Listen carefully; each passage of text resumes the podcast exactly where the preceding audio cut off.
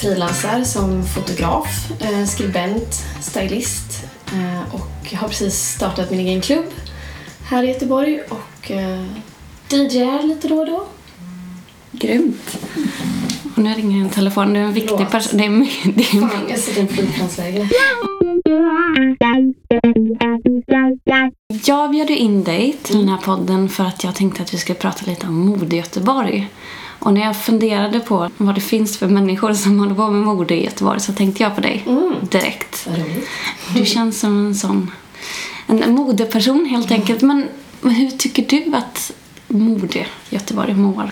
Ja, alltså, jag har ju funderat på det ganska mycket själv. Eh, Jag tycker inte att det finns någon direkt liksom, plattform för mode i Göteborg. Alltså, det, det finns ju otroligt många inspirerande människor här men tyvärr blir ju de ofta så att de dras till Stockholm. För att det är där liksom mode, alltså i Sverige liksom eh, har alltså fäste om man säger. Vilket är tråkigt för att om man tittar på liksom Göteborg, Borås, alltså det är ju här nere navet egentligen är med typ alla företag som liksom eh, Borås som textilstad liksom och även många företag som är baserade här eh, från början. Och även många grymma varumärken som har flyttat härifrån upp till Stockholm.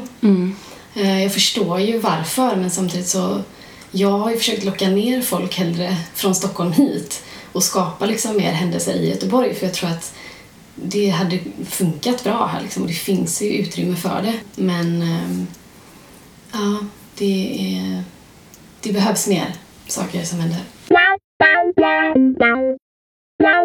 Det som jag tänker när jag då har liksom sökt reda på information om dig och du, du presenterade också att du gör väldigt mycket olika grejer.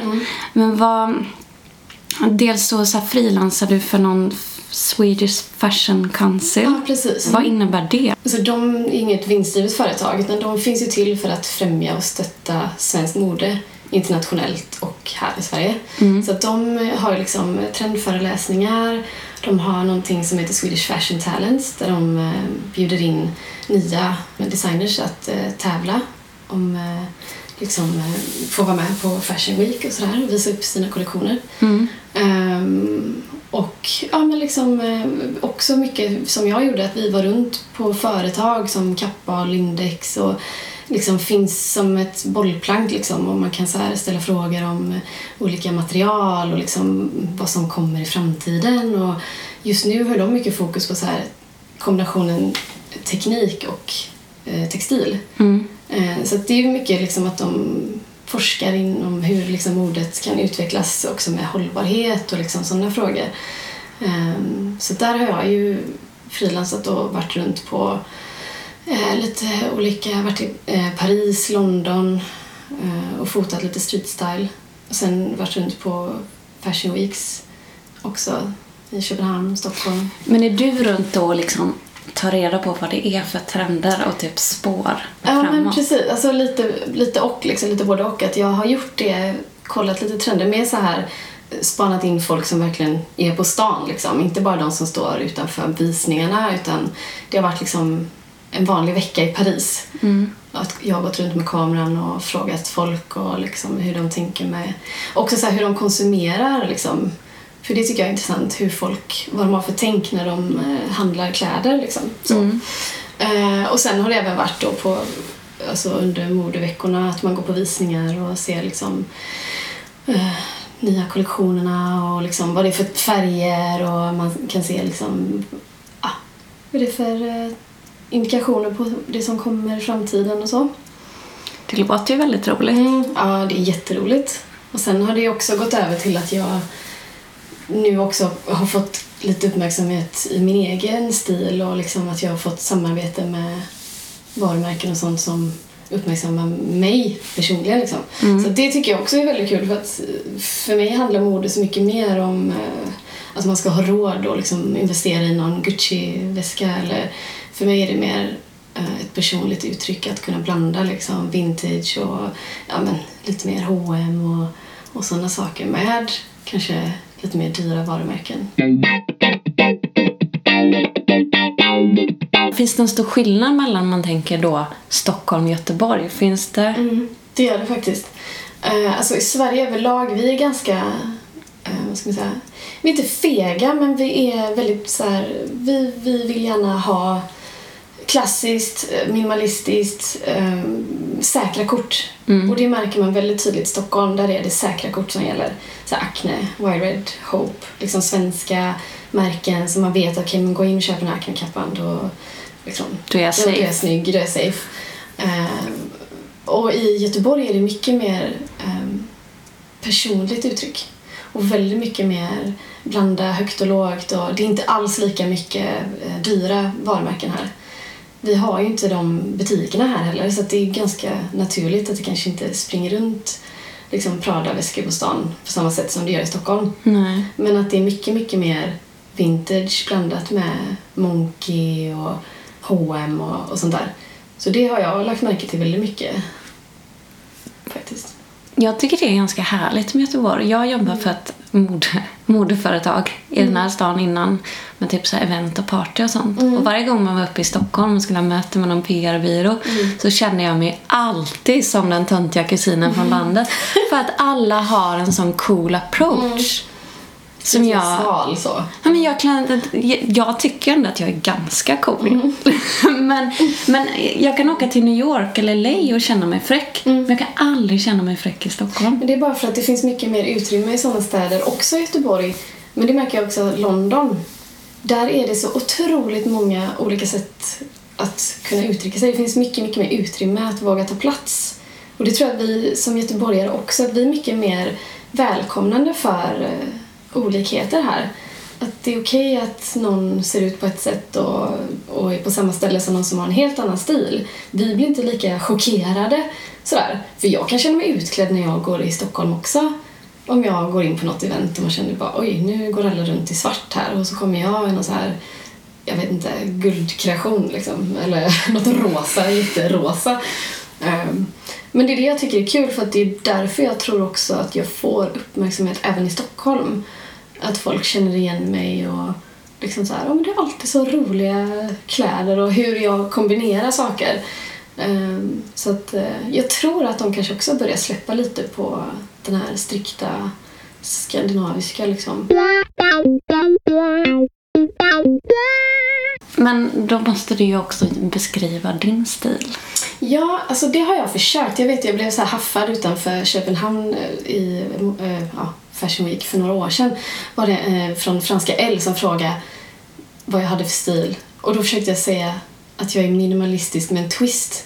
Men sen insåg jag att det, det är ju verkligen inte vad jag är, för jag är ganska långt ifrån minimalistisk. uh, jag tror att jag, det är lite så jag märkt nu när jag börjat spela musik, att uh, det finns så himla mycket olika genrer och liksom sånt som jag tycker är nice, eh, samt med kläder, varumärken och sånt man dras till, men att för mig handlar det om att plocka lite från alla håll och hitta liksom det som känns bra för dagsformen. Mm. Och det kan vara vakna upp en dag och planerat en outfit dagen innan för att jag ska så snabbt iväg. Mm. Så kanske jag inte alls känner för det när jag vaknar och då blir det liksom helt annorlunda sen. Men vad har du på dig idag då? Uh, ja, idag har jag ju på mig en, en svart hoodie. En Justin Bieber. Ja, ah, jag tyckte jag kände igen den här loggan. Ja, absolut. En riktig belieber. Mina barn blev jätteglada när de såg att jag kom hem med den här. Och det är, den är, det är en svart hoodie med ett vitt så här, lite mm, fräckt tryck. Ja. Och så står det Justin Bieber på ärmarna i rött. Ja. Sen har jag en eh, guldapplicerad kjol eh, från eh, Weekday som jag köpte för några år sedan faktiskt. Sen har jag ett par, eh, typ vad ska man kalla det, helgbyxor Ja, det är såna skidbyxor. Ski pants. Ski pants och ett par nätstrumpor har jag. Ja, men det... Ja. Lite, men lite gott och blandat. Ja, exakt. Säger jag som inte är modekunnig. Ja, men det, jag, jag var i Toronto förra året och hälsade på en kompis och så började jag lägga fram det jag skulle ha på mig och då sa han så här, alltså jag kan inte överhuvudtaget se hur den här kombinationen skulle funka. Men sen när jag tog på mig det så bara, det är så konstigt att du lyckas så här det funkar på dig. ja, men det är för att jag känner mig bekväm i det. Mm. Jag tror att det är det många är så här också många tjejer och så killar som kanske är lite osäkra som kollar mycket på, eh, ja men följer, inte vet jag, någon bloggare eller någon in, så influencer och eh, kanske anammar och försöker liksom apa efter eller whatever. Men jag, jag tror att det syns så tydligt om man inte är bekväm med det man har på sig. Så att det bästa man kan göra det är bara att ta på sig det som speglar din personlighet. Liksom. Och, För då blir det liksom att det, det funkar. Ja, men det är det. Och sen att man är lite modig. Men vissa grejer kan man själv tycka att det här är jättetufft. Men så sätter man på sig det och så bara nej, det kan jag inte gå ut i. Ja. Men jag läste någon intervju någon gång med någon tjej som var någon sån här modeperson att hon brukade gå till typ sin mack som låg typ på andra sidan gatan i olika outfits för att känna om testa. de gick. Så att de brukade se henne i mycket coola Ja, kläder. ja. Men det är lite så det är när jag lämnar barnen på skolan faktiskt. Ja, du testade i skolan? Ja, ja för det, och det är så roligt för barn är ju så härligt ärliga med så här: Wow! Åh, vad har du på dig? Och så här, om jag kommer till en lackbyxa eller ett par silvriga skor och sådär. Åh, vad coola skor du har! Och det, det är jättekul att liksom så här, testa barnen så här att ja, nu kommer jag och hämtar på fritid. Är du den coolaste mamman i skolan? Alltså, jag tror fan att jag är det. Det finns inte så många att konkurrera med, måste jag ändå säga. Men det är lite synd. Men å andra sidan, jag vet ju många mammor som också blir lite så inspirerade. Så att det är ju ändå kul att få lov att vara det. Ja, jag har ändå tyckt länge att jag har varit en väldigt cool morsa men jag tror att du kan vinna den. Fast det roliga är att mina barn, alltså speciellt Eira, min äldsta dotter, hon tycker att jag är så pinsam. Och det trodde jag ju aldrig att jag skulle bli en pinsam morsa. Så här, hur lyckades jag med det? Vad är det som hon tycker är pinsamt? med att jag pratar med hennes eh, kompisar och du vet, de, de kommer ofta fram och är så här Åh, är det sant att du har gjort det här? Och Ira säger det här och tycker det är spännande med det jag gör och så. Och så kanske det är någon kille som sa bara, “Är är inte det Felix? Och bara, tyst, sluta, du är så pinsam. mamma." Och Så här, Gud, vilken snygg jacka du har. Nej, men du får inte säga så mamma, det är så pinsamt. Jag känner bara, okej. jag har blivit det då också. Fast man är ju är väl hellre den mamman än den tråkiga mamman som man kommer ihåg från uppväxten. Som, det var någon kompis som hade en tråkig mamma som inte var... Det var inga konstigheter, men de var bara en mamma. Mm, exakt. Då är man ju hellre den mamman som är lite för mycket, men som är en cool person. Ja, och det var faktiskt, jag satt och pratade om detta igår för att Eira hon, hon brukar så berätta saker för sina kompisar som jag gör. Så att jag dykt med hajar och hoppat fallskärm och, och sådär. Och då är det vissa som inte tror på henne då. Och så nu när de, eh, jag var ju som sagt, jag var i Helsingfors och spelade för några veckor sedan. Eh, och, och då sa jag det det är några i min klass som inte tror att du är en DJ mamma. Och då blev jag så här, nej. Jag blev så förbannad. Jag bara, men du, då visar du dem den här bilden och så säger du du, din mamma kanske bara är liksom morsa, så här, mamma, går till jobbet. Men min mamma, hon gör faktiskt det här. Jag kände bara, nej. Tråkigt att barn har den bilden av en förälder att de bara ska vara så här, du vet, hemma och städa och laga mat. För jag vill också att mina barn ska växa upp med ett driv att de kan vara och göra vad de vill. Och det, det har jag faktiskt känt att men typ den finaste komplimangen man kan få, det är ju just det från sina barn. Att de liksom tycker att jag gör bra grejer. Och Eira hon sa till mig en dag så här, Vet du vad jag gillar bäst med dig mamma? Det är att du går din egen väg. Och då kände jag bara, fan vad skönt. Då vet jag att det här är ett bra sätt att uppfostra barn på. Att de får den liksom självkänslan att växa upp med. Det lät som en saga bara, du går din egen väg mamma. Du ja. bara, Ja, ja, jag gör ja. Ja, men det är fint. Och grejen att ibland kan man känna att man är så här, gud vad håller jag på med? Om jag, så här, om jag har ett gig sen onsdag, spelar till klockan tre, ska upp och hämta, alltså du vet på skolan man kommer som ett jäkla vrak och känner att herregud, nu ska jag hämta barnen här och pff, man är trött och så. Men det är ändå, de ger ju mig ändå på något sätt när, ja men att det är okej att fortsätta och att man, man gör någonting bra. De tycker att det man gör är bra. Och det räcker ju för mig. Ja, och verkligen. Jag tänker också mycket på det när jag tänker på mitt barn och vad jag pysslar med. Men att jag, är- jag är hellre lite misslyckad journalist och Mm. typ stolt över att jag typ försökte i alla fall än att jag bara, nej men jag lägger ner det, jag har pluggat sjuksköterska eller vad man nu, Mm. vad det nu finns för jobb, vad man nu kan göra. Inget ont om vad folk kan jobba med men om man nu har valt någonting och vill göra det så får jag hellre bara köra.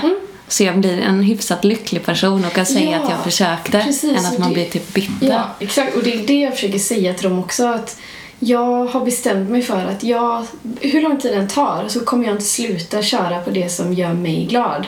Oavsett om det är trygg, alltså jag har ingen trygg, liksom stabil ekonomi eller du vet sådär. Jag är ensamstående med två barn och håller på och frilansar. Det är ju ganska galet egentligen. Men jag känner att det är det här jag vill göra. Jag hade blivit bitter om jag, som du säger, tagit ett jobb och bara suttit och jobbat från 9 till 5 och kommit hem. Hur bra mamma är man då? Även om ekonomin hade kanske varit mer stabil men du hade inte varit en lycklig person om det inte passar dig. Så att, eh, ja, nej. Och som sagt, vad de än vill göra i framtiden så hoppas jag att, ja, men som din dotter också, att de känner att de har fått det hemifrån. Att man kan göra vad man vill och att man inte ger upp. Mm. Och så kan de sä- säga sen ja, min mamma var ändå DJ var på 00-talet. Ja. Hon var jättecool på klubbarna. Exakt. Visa någon gammal bild så. Men det roliga är att jag har ju... Min mamma var ju en ganska så här partypingla på 70-talet och min pappa han är trummis. Så att han hade ju band och jag vet ju när jag var så tre bast och låg och somnade på någon högtalare, du vet när pappa hade ett gig liksom.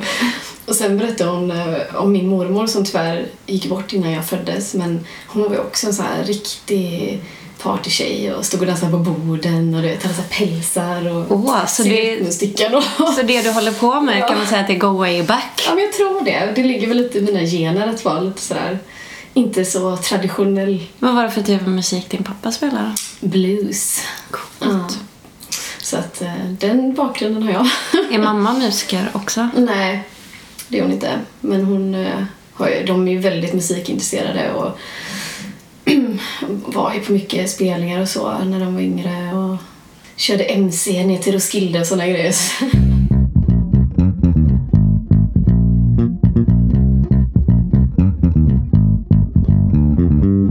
får ju prata lite om ditt DJ-ande också.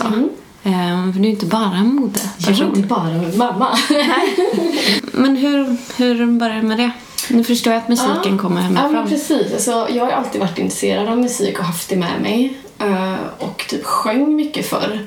Men skulle söka in till musikestet och fick scenskräck så här passande precis innan. Blev så här totalt bara, jag kan inte sjunga inför folk och fick panik att stå på scen. Men jag tycker ändå det har varit så kul att hålla på med musik. Och försökte liksom hitta ett sätt att kunna göra det ändå. Um, och ja, nu på senare år så... Uh, oh, vad ska man säga? Jag... uh, ja, men jag började spela lite på publik med min kompis. Du vet, alltså, då var det mer bara att man stod och valde låtar, eller bytte låtar. Ehm, men sen var det en kompis som som frågade om jag ville spela. Han skulle ha någon klubb på Jazzhuset. Detta var ju i år liksom. Ja, men eh, du spelar väl lite? Och Jag kände bara, men gud, det gör jag ju. Jaha, okej. Och så blev jag liksom uppmuntrad av eh, en vän till mig som är DJ. Jag bara, men ta det, det är klart ska jag spela. Så jag eh, blev medlem i det här Yoko DJs. Mm. Gick till studion och försökte fatta vad alla knappar var. och sen så gick jag och spelade på Jazzhuset. Um, jättenervös och kom dit och har glömt plugg. För det fattade inte jag att man behövde ha till hörlurarna. Så jag fick stå där och, och mixa i blindo. Men som tur var hade jag min vän med mig då som var lite här min trygga punkt. Eh, så att han hjälpte mig lite då i början. Eh, så att det inte lät helt fruktansvärt.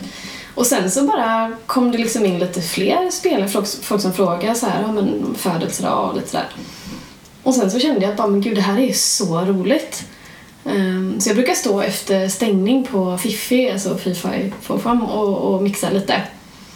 Och tyckte bara gud det här är så roligt och, och hålla på. Jag vill aldrig sluta, liksom. jag vill aldrig gå hem. Så att um, det började väl så. Helt enkelt. Mm. Ja, men det är ju så. Det är så det ska Det, vara. ja, det ska bara hända typ. Så här, tror jag. Man måste bara bli ut... Eller för mig var det så. Jag måste bara bli utkastad i att ah, nu har du ett gig så nu måste du lära dig att spela. Så att... Eh, Ja. Va, vad spelar du för musik då? Eh, ja, men jag spelar, alltså jag är ganska, det är lite som med, med kläder för mig, att jag, jag har så mycket jag tycker om, men det är väl mest tech house, eh, lite minimal, ibland techno house. Men inom den genren liksom, Mm. elektronik, ja. Dansmusik. Dansmusik, ja. Ja. Precis. Vad är roligast att spela i Göteborg då? Alltså det är ju Fifa i Fofam. Där är ju, alltså det är ju mitt... Kan det bli någon dansgolv där inne? Ja, men det är ju det. Det är det som är så härligt i den lilla lokalen, att det blir sånt otroligt tryck och danska. Och plus att där är det så skönt för att de som kommer dit går dit för musiken. Så att man vet ju att de uppskattar det som man spelar. Alltså det är klart att det är jättekul ja, men om man spelar på Jackie till exempel i sovrummet där. Att man flörtar lite med folk som kanske tycker det är nice men som inte riktigt är insatta. Men man kan få dem att dansa. Och det är också en skön känsla att man kan få folk att dansa som kanske inte riktigt uppskattar genren liksom. Eh, Så det är väldigt... eh, Ja men det är olika känslor. Så. Mm. Eh, sen spelade jag på mitt första open air nu i september. Eh, körde så här primetime mellan fyra och sju. Alltså den känslan var ju oslagbar och bara stå och blästa techno och se folk dansa var helt... Du vet, stå och... Ja men det var så häftigt. Jag är simpad över att du gör ditt första sån open air-gig. Hur gammal är du? Du har fyllt 30. Ja, jag är 34. Ja, Mm. för att ehm, jag kan känna själv, jag hade ju lite svartklubbar när jag var typ 24 kanske. Mm. Det är inte riktigt samma grej som så här techno med att jag alltid har spelat så här rockpop. Ja. Men vi hade ju utomhusfester Mm. och det är ju typ ja, men sju, åtta år sedan jag Mm. hade det. Och bara tanken på att orka hålla på så sent nu att jag bara skulle aldrig, skulle aldrig orka det fast andra sidan man gör det när man väl gör det. Ja. Men fyra till sju nu, man bara Ja. nu när man spelar till typ så klockan tre och jag bara tre, du ska orka till klockan tre. Men man gör ju det. Ja, och det roliga var att jag var hemma med barnen och eh, gick och tog en nap innan, så här vid nio. Jag la barnen hemma hos mina föräldrar, tog en nap, sen tog jag tåget in till stan och var här vid typ tolv. Gick och dansade lite på Fiffi och sen drog jag och spelade. så det är ganska skönt, man får så här, ja men nu låter jag barnen, sover lite, sen åker jag och spelar liksom. Det är liksom man, man trycker man, man Ja. byter, Ja, och så, växel. jag insåg det när jag, när jag var på väg in. Jag bara, har precis lagt barnen, nu ska jag stå och spela techno i så här, på ett open air i flera timmar liksom. Fast det är väl det som är så härligt också. kontrasterna. Att man ena veckan är, du vet, ja, hemma, nattar och håller på och sen så helt plötsligt står man och, och spelar på en klubb liksom. Ja, och att man inte måste välja bort det. För Nej. det tänker jag ibland i, min, i ens roll som mamma. Bara, vadå, ska jag inte få göra det här? Ja, att Eller- du ska göra avkall på Ja. saker bara för att du blir förälder. Det, och det kan jag känna också så här. nu var jag ju, jag fick barn när jag var 25.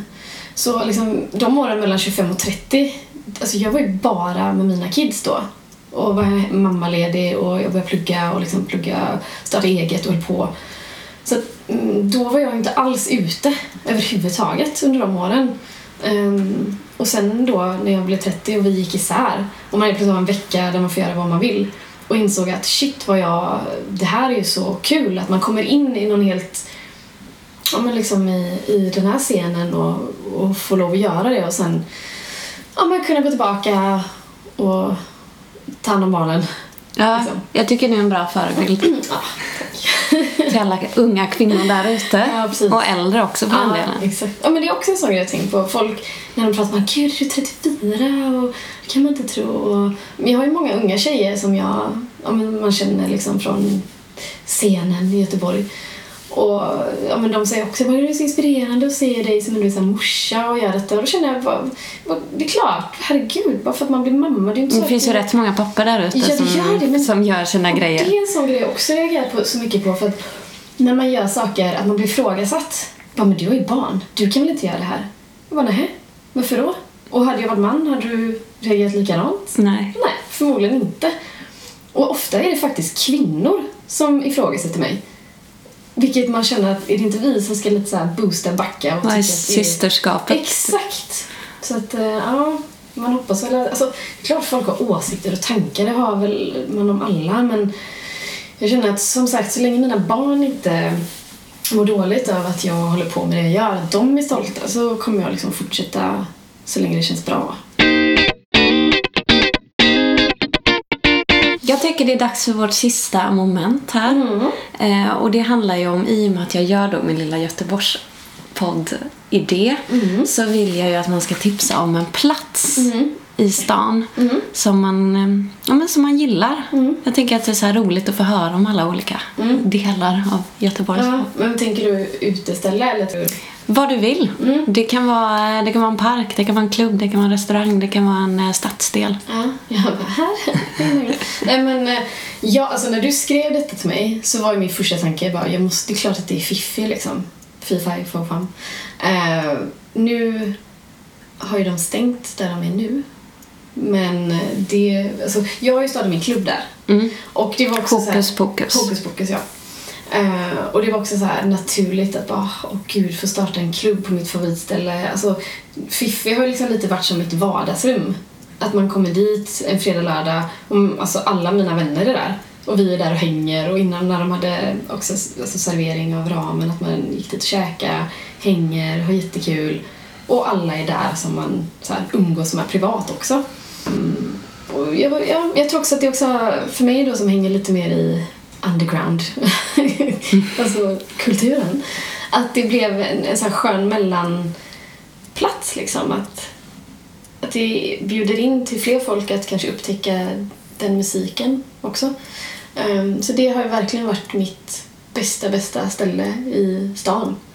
Um, och alltså Fiffi och, min klubb kommer ju fortsätta nu att vara lite så här ambulerande. Just det, de, de stänger Mm. men kommer, konceptet kommer finnas kvar. Ja, det kommer poppa upp lite så här på olika ställen tills eh, nya konceptet är klart. Okej, men är det i samma lokal? Nej, Nej. alltså det är ju det att det var ju en väldigt liten lokal från början och de eh, slog ju ut en vägg för att göra det lite större men med tanke på hur mycket fler folk som har hittat dit så krävs det ju mycket mer liksom, yta. Mm. Så att, eh, ja, det är spännande grejer på gång. Men det är, det är kul att den stadsdelen, nu kanske de kommer leta sig bort därifrån, men det är roligt att den stadsdelen har kommit. Ja men exakt. Att Och den det- liksom inte fanns för Nej. fem år sedan Nej. riktigt. Jag vet, och det är så härligt för att jag är en sån här andra långtjej. Alltså born and raised på publik liksom. Mm. Och att kunna vara på andra lång, om man nu vill kanske gå ut och dansa så var det alltid så här, jag är ingen avenyrtjej men vill man dansa så var det lite, ja, då får man stå där och dansa till musik man inte riktigt Nu är det. Peacock eller vad det var. Nej men så, alltså, det är också så att det knyter ihop stadsdelarna lite med Rosenlund och man kan också, ja men Tredje Långgatan, Andra Lång, Rosenlund. Jag tycker det är jättehärligt. Även det som hänt på Magasinsgatan nu, liksom nya Magnus och Magnus och... Just det. Mm. Det har jag helt missat. Och även den här jazzbaren som de har öppnat vid champagnebaren. Mm, precis. Och det känns skönt att det liksom händer saker ja, men i sådana stadsdelar det har varit lite dött innan. Mm. Så att eh, jag tycker det är jättespännande att det poppar upp mer ställen och nya koncept framförallt. Ja, jag älskar alla drivna krögare i den Mm. här stan som liksom får stan att leva och orkar Ja. satsa så mycket Precis. som människor faktiskt Och gör. det är ju det som jag ser med Kaspar, alltså, som nu driver Fiffi då. Alltså, han är en sån otrolig inspiration för mig. Alltså, jag blir så... Han, jag vet inte, det är någonting med honom som bara imponerar mig så otroligt mycket. Och att få jobba ihop med honom är bara... Det är det bästa jag vet. Vi hade en fest ihop förra sommaren. För jag jobbar ju som, ja, men med ett varumärke då. Så då hade vi... eh, Jag skulle ha en dagsfest under Out West. Och han bara, varför har du inte på Fiffi? Då kände jag bara, men ja, varför har jag inte det? Så vi började ju liksom dra ihop världens eh, party där. Jag vet inte om du var där. Mm, förra året Wet West, det var väldigt lite. Då Ja. hade jag nio månaders hemma så det var det Ja, typ bara hemma på dagarna och så Ja. gå på kvällarna och bara Ah, ja, dricka tre öl och bli Ja. typ full och skön. ja, nej, men det var jättelyckat och så det är därför jag tycker det är så kul när hon frågar om jag ville börja köra klubb liksom, så var det bara självklart. Klart jag ska göra det här med honom och alltså det samarbetet är fantastiskt. Ja, men han är rolig och de har ju öppnat massa ställen nu. Han Ja, har, gud ja. Immobo mm, har öppnat, sen har ju lite andra planer. det är väl något Johanneberg och Ja. ute Lindholmen. Och, Precis. Absolut. Och sen är det just det här med nya Fiffi och ja, det ska bli jättekul att, att få vara en del och ha min klubb liksom på nya stället. Och, det är så jävla roligt att ha en klubb. ja, alltså det... Ja, och hela min... Alltså han sa ju det när vi pratade om det. Så här, jag vill, eh, han sa, jag stod och spelade så här efter stängning och så frågade jag honom så här, du vad, vad tycker du nu då om mitt mixande? Så sa han så här, alltså jag skulle inte ens säga att det är bra. Och då kände jag bara nej, nej, nej. Gud vad pinsamt. Han bara, jag är fan imponerad. Jag bara, va? Han bara, ja, du får spela här när du vill. Jag bara, va? Okej. Okay. Och då blir man så här, men gud, får jag? Han bara, ja, men vet du vad? Jag vill faktiskt att du börjar klubb här. Jag bara, okej. Okay. Han bara, kom på ett koncept. Jag bara, men det är redan klart. Jag hade ju liksom länge tänkt det här med att bara ha tjejer. Så att eh, det var bara så. Klart. Så att, eh, väldigt lätt att dra igång. Ja, men, men det är ju Nej, men det är ju därför det är härligt med sådana människor som bjuder in en och mm. jag tänker för den som bjuder in att mm. det också är härligt med människor som har idéer och vill göra saker för det är inte självklart. Nej, exakt. Och just det som jag kan känna att det här med att även om jag är en väldigt kreativ person och har mycket idéer och tankar och så men det finns ingenting som är så fint som att ha idéer och sen alltså det här när idéer växer ihop med andras idéer för det blir så himla mycket bättre då. Mm. Jag kan bli så fast i mitt eget, så här, kommer inte vidare så. Så att eh, det är jättekul att få jobba ihop med andra kreativa själar.